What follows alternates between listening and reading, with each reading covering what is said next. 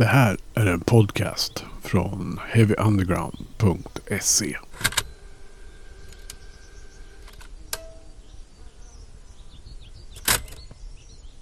Välkomna ska ni vara till eh, Heavy Undergrounds sommarpoddar. Och ehm, ja, vi kan ju inte låta veckorna gå under sommaren och vara helt tysta på onsdagar. Så att eh, jag har grävt lite i arkiven som eh, jag har på diverse hårddiskar. Och jag tänkte vi skulle ta och lägga ut lite gamla intervjuer som jag har gjort. Med eh, kanske lite mer kända artister än vad jag brukar intervjua i den här podden. Jag som säger det heter Magnus Tandgren förresten och tack för att du lyssnar på Heavy Undergrounds podcast. Eh, så att det blir några riktiga höjdarintervjuer här med folk som eh, på ett eller annat sätt eh, har varit drömintervjuer som jag har fått gjort genom åren. Och vi ska börja med en intervju som jag gjorde 2014 på våren. Då Corrosion Conformity spelade på Debaser Strand. Då som trio. Men jag fick eh, nöjet att sitta en stund med basisten Mike Dean i deras turnévan och eh, prata om bandets långa historia. Och det har ju gått nästan tio år sedan den här intervjun gjordes. Och ni kommer också höra att han pratar om eh, den, eh, den, eventuella återföreningen med Pepper Keenan. Eh, och den hände ju, som ni alla vet, året efter den här intervjun gjordes. Men det är ju kul att lyssna på Mike Dean när han pratar om Corrosion of Conformities långa historia och livet med ett band. Jag hoppas det blir lika kul för er att lyssna på det här igen som det var för mig att göra den här. Det var ganska speciellt faktiskt. För att det, det är inte ofta man får den här riktiga tiden med någon. Speciellt inte när de är lite större band. Men här var det en kopp kaffe i baksätet på en van tillsammans med Mike Dean och du hör det här i Heavy Undergrounds podcast. Sommarspecial. Det var grävt i valvet. Mycket nöje. So, do you enjoy this life on the road? Yeah, I mean, I would I would have to uh, because there's not any there's not much incentive to do it otherwise. It's not like uh, you're putting a lot of money in the bank or anything like that. Yeah, yeah, it's uh, I enjoy it. Um, it's fun to uh, to attempt to pull off the songs, you know, every night or almost every night. So yeah, I'd like to travel and yeah, so good stuff. Do you get an opportunity to look around? You mentioned you've been nine gigs in a row now, or eight, or what? Yeah, yeah. I mean, you know, a little bit ran whatever's randomly close to the gig. I mean, I just went for a walk along the water here, get 30 minutes and back. So look around for sure. Yeah. yeah. Uh, you mentioned you were on tour with uh, Vista Chino, and I saw you actually here on Debaser uh, back then in October. Yeah. How did that come about? Uh, basically, uh, uh, basically, Nick had some immigration issues when they were uh, about to go to Australia, and uh, or they thought he would, and they needed somebody to come fill in on uh, about 14 days' notice. So I was in my in my yard throwing a ball for a dog, and my phone rang, and I picked it up, and it was Brant Bjork.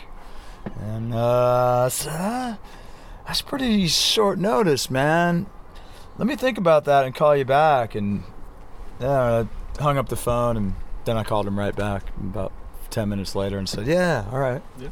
So, uh, you know, that was uh, that was something we did on and on, on and off for about a year. I think we'll do it again. Right now, John and Brant are make each making solo records, and uh, I think uh, there's another uh, there's another record on their contract for Napalm. So if I'm lucky, I get to make it with them. I hope so. Okay. Uh, do you enjoy uh, what what made you start playing music from the start? Uh, I don't know what makes anybody do that. I mean, uh, just when I was a kid, I mean, uh, just like anybody else, uh, you know, my, my older brother and sister had some records, and in that case, it was like, you know, the Beatles and Black Sabbath and things like that. I just remember remember being uh, maybe five or six years old and finding uh, Paranoid, putting that on, and not really having the attention span for it until for some reason I got to Electric Funeral, and I was just fascinated with the wah wah. So that was like my jam, and I just got obsessed with it. Got even though I, I'm not allowed to use a wah wah by this band, they're, they've forbidden it, but I used to sit there and take my fingers and put them in and out of my ears, like to make everything sound like a wah wah, like while the teacher was talking, etc. So it explains my uh, academic career. No. was it always the bass guitar? Uh, no. Although, uh, although I did, I did identify with it early. I mean, like Geezer Butler and, and Jack Bruce and John Paul Jones and and uh, Billy Cox, but uh, you know, no. At first, it was it was guitar, but you know, there's a lot of guitar players. Bass, it's a dirty job. Somebody's got to do it. So, yeah. Uh. And once I once I kind of once I put it in my hands and got used to it, you know, I, I decided that was like the thing for me for sure. COC was that part of a scene or some kind back then? Yeah, I mean, we started as a hardcore band, and it was at a time where um, there was there was a general interest in that genre of music. You know, suddenly to where to the point where you know I could I I'd be 18 years old, 19 years old. Here there was a hardcore band coming to play. You know, in North Carolina, and I didn't even I'd never heard their music, but I would go because it was a hardcore show. So that that was like the general environment, um, you know, and there were a lot of different styles from different cities and things like that. But for the most part, that was a good time to start a band because you would you would have an audience automatically because people are like, oh, it's like it's new, it's new, fucking hard punk type of stuff that's real, you know, young and so it was a good time. It was a good a good time to have a chance to be heard. Uh, I don't think I don't think young musicians starting out today have it as easy to be heard. Why not? Why not? Because music has a less prominent place in culture. After after only 25, 30 years, I, I, I feel like the place of music in the culture is is diminished, and also we have such access to whatever we want to hear whenever we want to hear it. You know, it's not like you have to spend money and go buy a record and pull it out and put it on and blow the dog hair off of the cartridge and it's, it's you know it's everyone's just has it in their earbuds instantly if they want to hear it you know so Yeah. it's just kind of different It, it was you, Woody, and Reed that started the band, or yeah yeah and then we had we uh we got a singer uh, who was Eric Eycke who sings on uh, eye for an eye Hmm. and originally we actually had several other singers that you've never heard that we would try because at that time we would play places with no really good PA, so we would we would practice for weeks with a singer, and we would not really know what they sounded like because you couldn't hear them.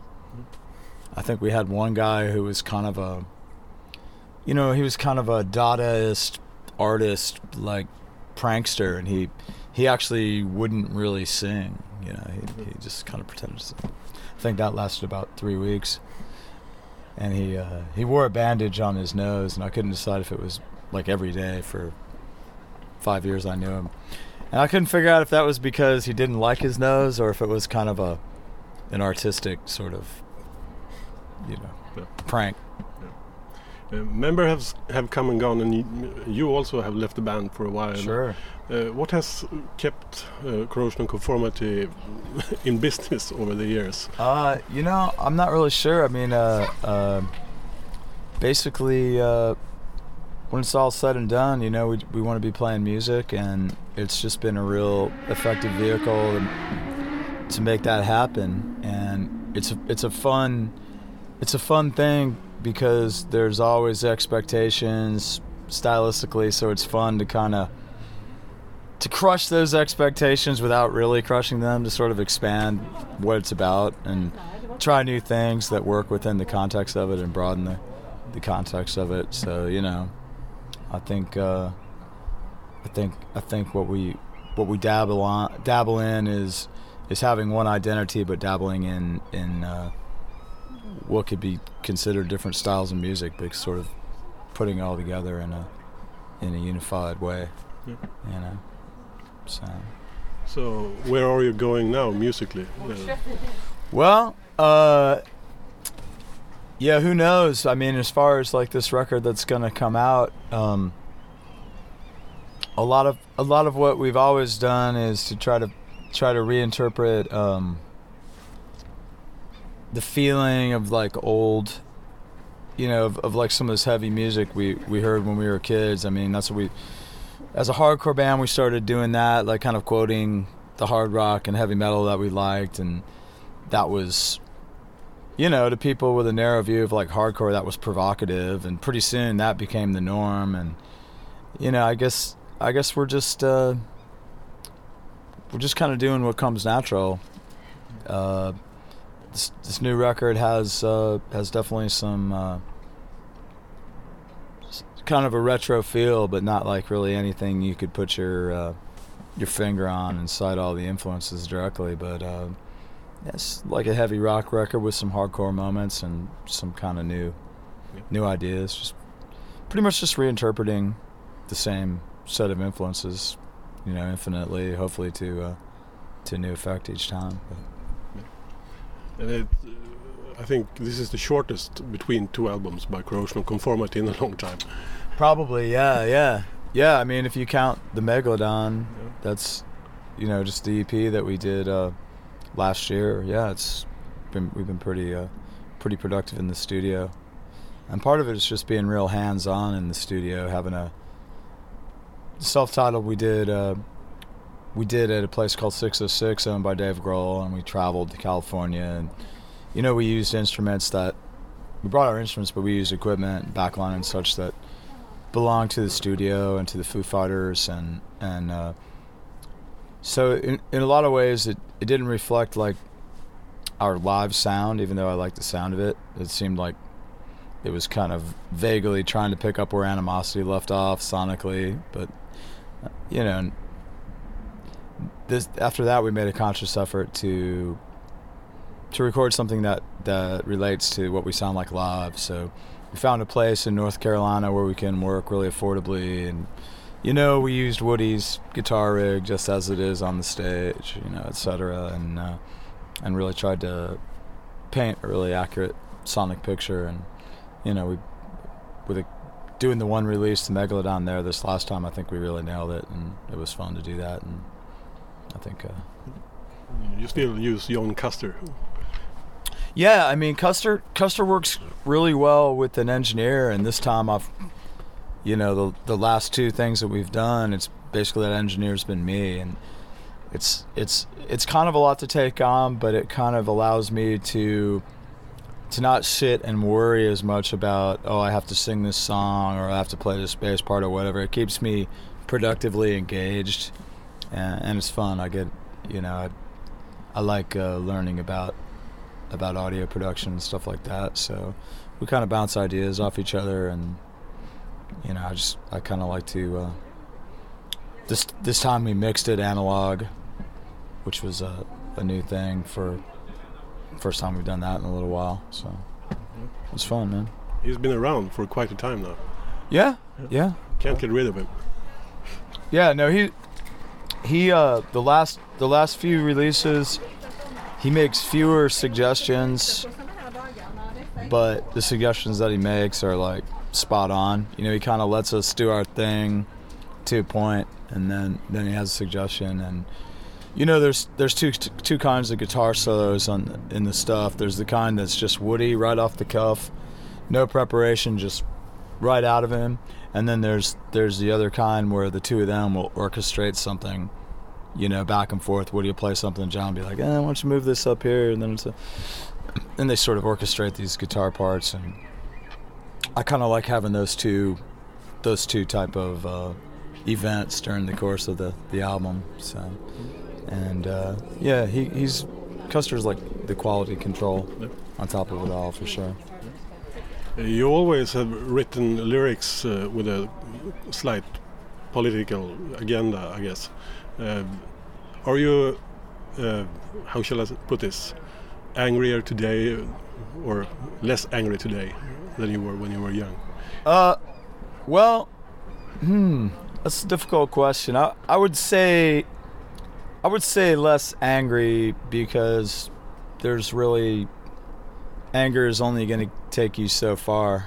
You know, a- anger is going to facilitate anger will facilitate dismantling something that you might dislike, but it's never going to help you create what's what needs to be created. So anger is one of those things that should be utilized in balance, and um, you know, you gotta you gotta decide what that what balance of uh, emotion is and intent is right for you. So I'd say uh, I, I don't I don't think that we're less energetic or anything like that. But yeah, anger anger anger has its its limitations. But I like the I like the energy of an aggression of that if it's if it's channeled properly for sure. But uh, you know, there's a point where that's that's not productive. So we just kind of do what comes natural. I, I'm. It's been a long time since I've written a song that's like a pointed, topical, political song because I feel like those are very disposable. Um, they uh, they tend to relate to one thing just on the nose. So I like to, uh, if I have something like that in mind, I like to, um, I like to make it a little broader and and a little less, a little more open to interpretation. And I think, therefore, you know, it might mean be more likely to mean something to somebody in you know 20 months or 20 years or whatever. You know. So uh, try to try to create more compelling, longer lasting art. You know, basically. Um, although although you know, I mean the the the uh, the political thing is it's certainly easy to write. In a way, it's kind of a it's kind of an easy gimmick. Uh, you've been playing like a trio now for a few years. Yeah. Uh, you must be very tired of the question about Pepper Keenan. Well, uh, you know, uh, it it remains a question, but it's it's for the last eighteen months or so. We've just been discussing when when we might get together and uh, play some shows and do records. So uh, I predict that that's going to happen soon. Although we haven't actually nailed it down. Um, just between you know the his band and our band and. Uh, I Hate God and uh, Philip and the Illegals um, and family. Um, we got some scheduling to do, but I'm, I'm I'm predicting that that might that might happen, and it might even be the next uh, COC release. Yeah. Being as we are coming up on the 20th anniversary of Deliverance, it would be a very good time to announce such a venture. But I can't officially announce it at this time since I have no official word. But I do have assurances that that this is going to happen soon. We won't mention it then. Well, you can mention it. I don't say anything to you you can't mention. You just can't mention that it's officially happening. You can mention that I have reason to believe it's happening.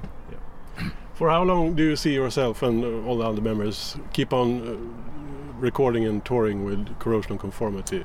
Do, you feel like you have done all you have dreamed of? Uh, no, no, no. I don't think we have. Um, yeah, I think uh, it seems it seems pretty good right now. So uh, I, I predict it'll continue. If it if it doesn't feel, uh, you know, like I, like I said, if it's not rewarding, then there's not really. It's not a satisfying thing to do. It's it's not really worth doing. It's not like the most financially enriching thing. I mean, you can make a living at it, and it's much better living than uh, much more meaningful living than a lot of things we might be doing, which is why we're doing it because get to travel and talk to you and sit here on a nice spring day in Stockholm and uh, you know, a couple days ago I was in Italy, so uh, see the world. A couple months I'll be in Australia. In uh, two weeks I'll be in North Carolina playing a show with uh, Spirit Caravan. You know, so it's it's uh, it's pretty good for now, and I, I like uh, I like the uh, the music we've been making, particularly the last couple of releases. So uh, yeah, Uh, it's a sad, It's like I said, it's a very effective outlet for uh, to be heard. You know, musically, when you have a, a band that's been going this long, you know, there's there's an audience right there, so that's convenient. And we've uh, built that up, so it would have to uh, have to be an extraordinary situation to to walk away from that. Like it would have to be really not fun or something. Uh, lots of other bands mention corrosion conformity, like you know the, the legend of corrosion conformity, and that you are an inspiration to them. Uh, how do you feel about that? Oh well, that's flattering. I, in some cases, and maybe embarrassing. I can't think of one. It's uh, no, it's it's uh, that's that's great. You know, uh, that's uh, that's that's uh, gratifying. You know. Yeah. Do you feel that you can have done anything different in your career? I mean, you were touring with Metallica at one time, and you could have done something to get bigger.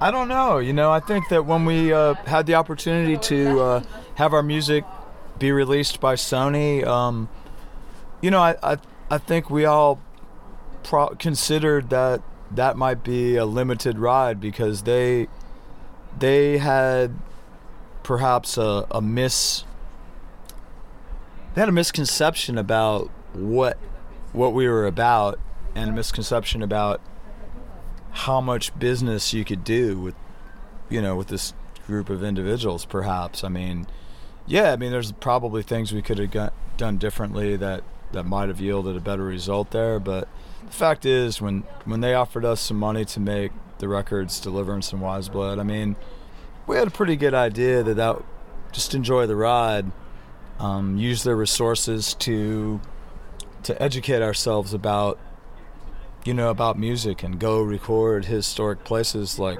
Electric Lady, you know, and uh, Criteria in Atlanta, where you know Aretha Franklin and and and the Allman Brothers recorded with Tom Dowd, you know, and and uh, so we, we we enjoyed the ride and we we enriched ourselves with it you know not not really that much financially but just using their resources to to sort of to soak in the culture of you know that we could you know so uh and the Metallica thing I mean yeah that's that's not our crowd you know that's we yeah we played in front of a lot of people but they weren't there to see us yeah. that was Metallica's crowd that was Metallica saying hey we remember you guys when you were like the the hardcore band that fucking that sort of helped to start like thrash metal and stuff. And and uh, we're gonna take you guys on tour because we're Metallica and we're commercial but we want to show that we're cool which is what they're always that's the story of their life you know? Ever since they got famous it's probably the story of anybody's life that gets famous. And they're they're you know gracious people they were gracious enough to take us along for 75, 80 shows, you know, and uh, that was an education. So, um, yeah, I'm certain. Yeah, there's there's certainly things we could have done different. I I'm not really uh, not really getting together with the guys and having a de- debriefing about it because you know the life just keeps coming at you. So, whatever. Yeah. How, how would you describe your relationships with the other guys in the band now, 30 years later? Well, you know, you, you kind of know what to expect. You know, you just, just there's few surprises. Um, you know, we hang out on tour, and uh, you know, at home, pretty much, pretty much keep our space when we're not working on anything. But then again, we're always working on something. So, uh, yeah, it's. I feel like the, the musical communication is really good, and and and uh, that kind of creates the that creates the thing that people are paying to see. So. Yep. When I see uh, live uh, recordings of you, uh, it looks like you play at each other more than sometimes than the audience. Sure. Yeah. Yeah. Well, there's a lot of visual cues, which is since we travel without uh, a lighting person, sometimes it's bad when there's uh, uh, backlight behind the drummer, you know, flashing at you. You can't see him, can't see him land on a cue or something like that. It can be pretty bad, but yeah. Yeah. yeah, we uh, we we do a lot of free time stuff and visual cue and stuff that we basically rip off uh, Black Flag with that type of thing, where they would they would have these interminable pauses and anticipate that that next accent.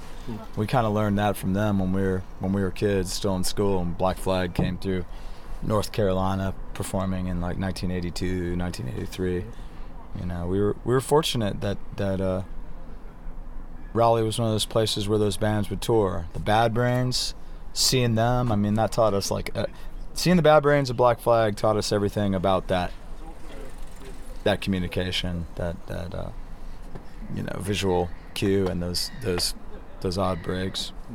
You know, and seeing DOA taught us everything about putting on a good show. So um, the album comes out this summer, and what are the plans for the rest of the year? Then you mentioned the anniversary thing that not, is not confirmed yet. yeah, yeah. No, I, I, I, I we're not going to get anything together for that, but uh, you know that would be a good time. To, I bet you around. I predict that around uh, September we'll be announcing what our next our next record is is going to be about.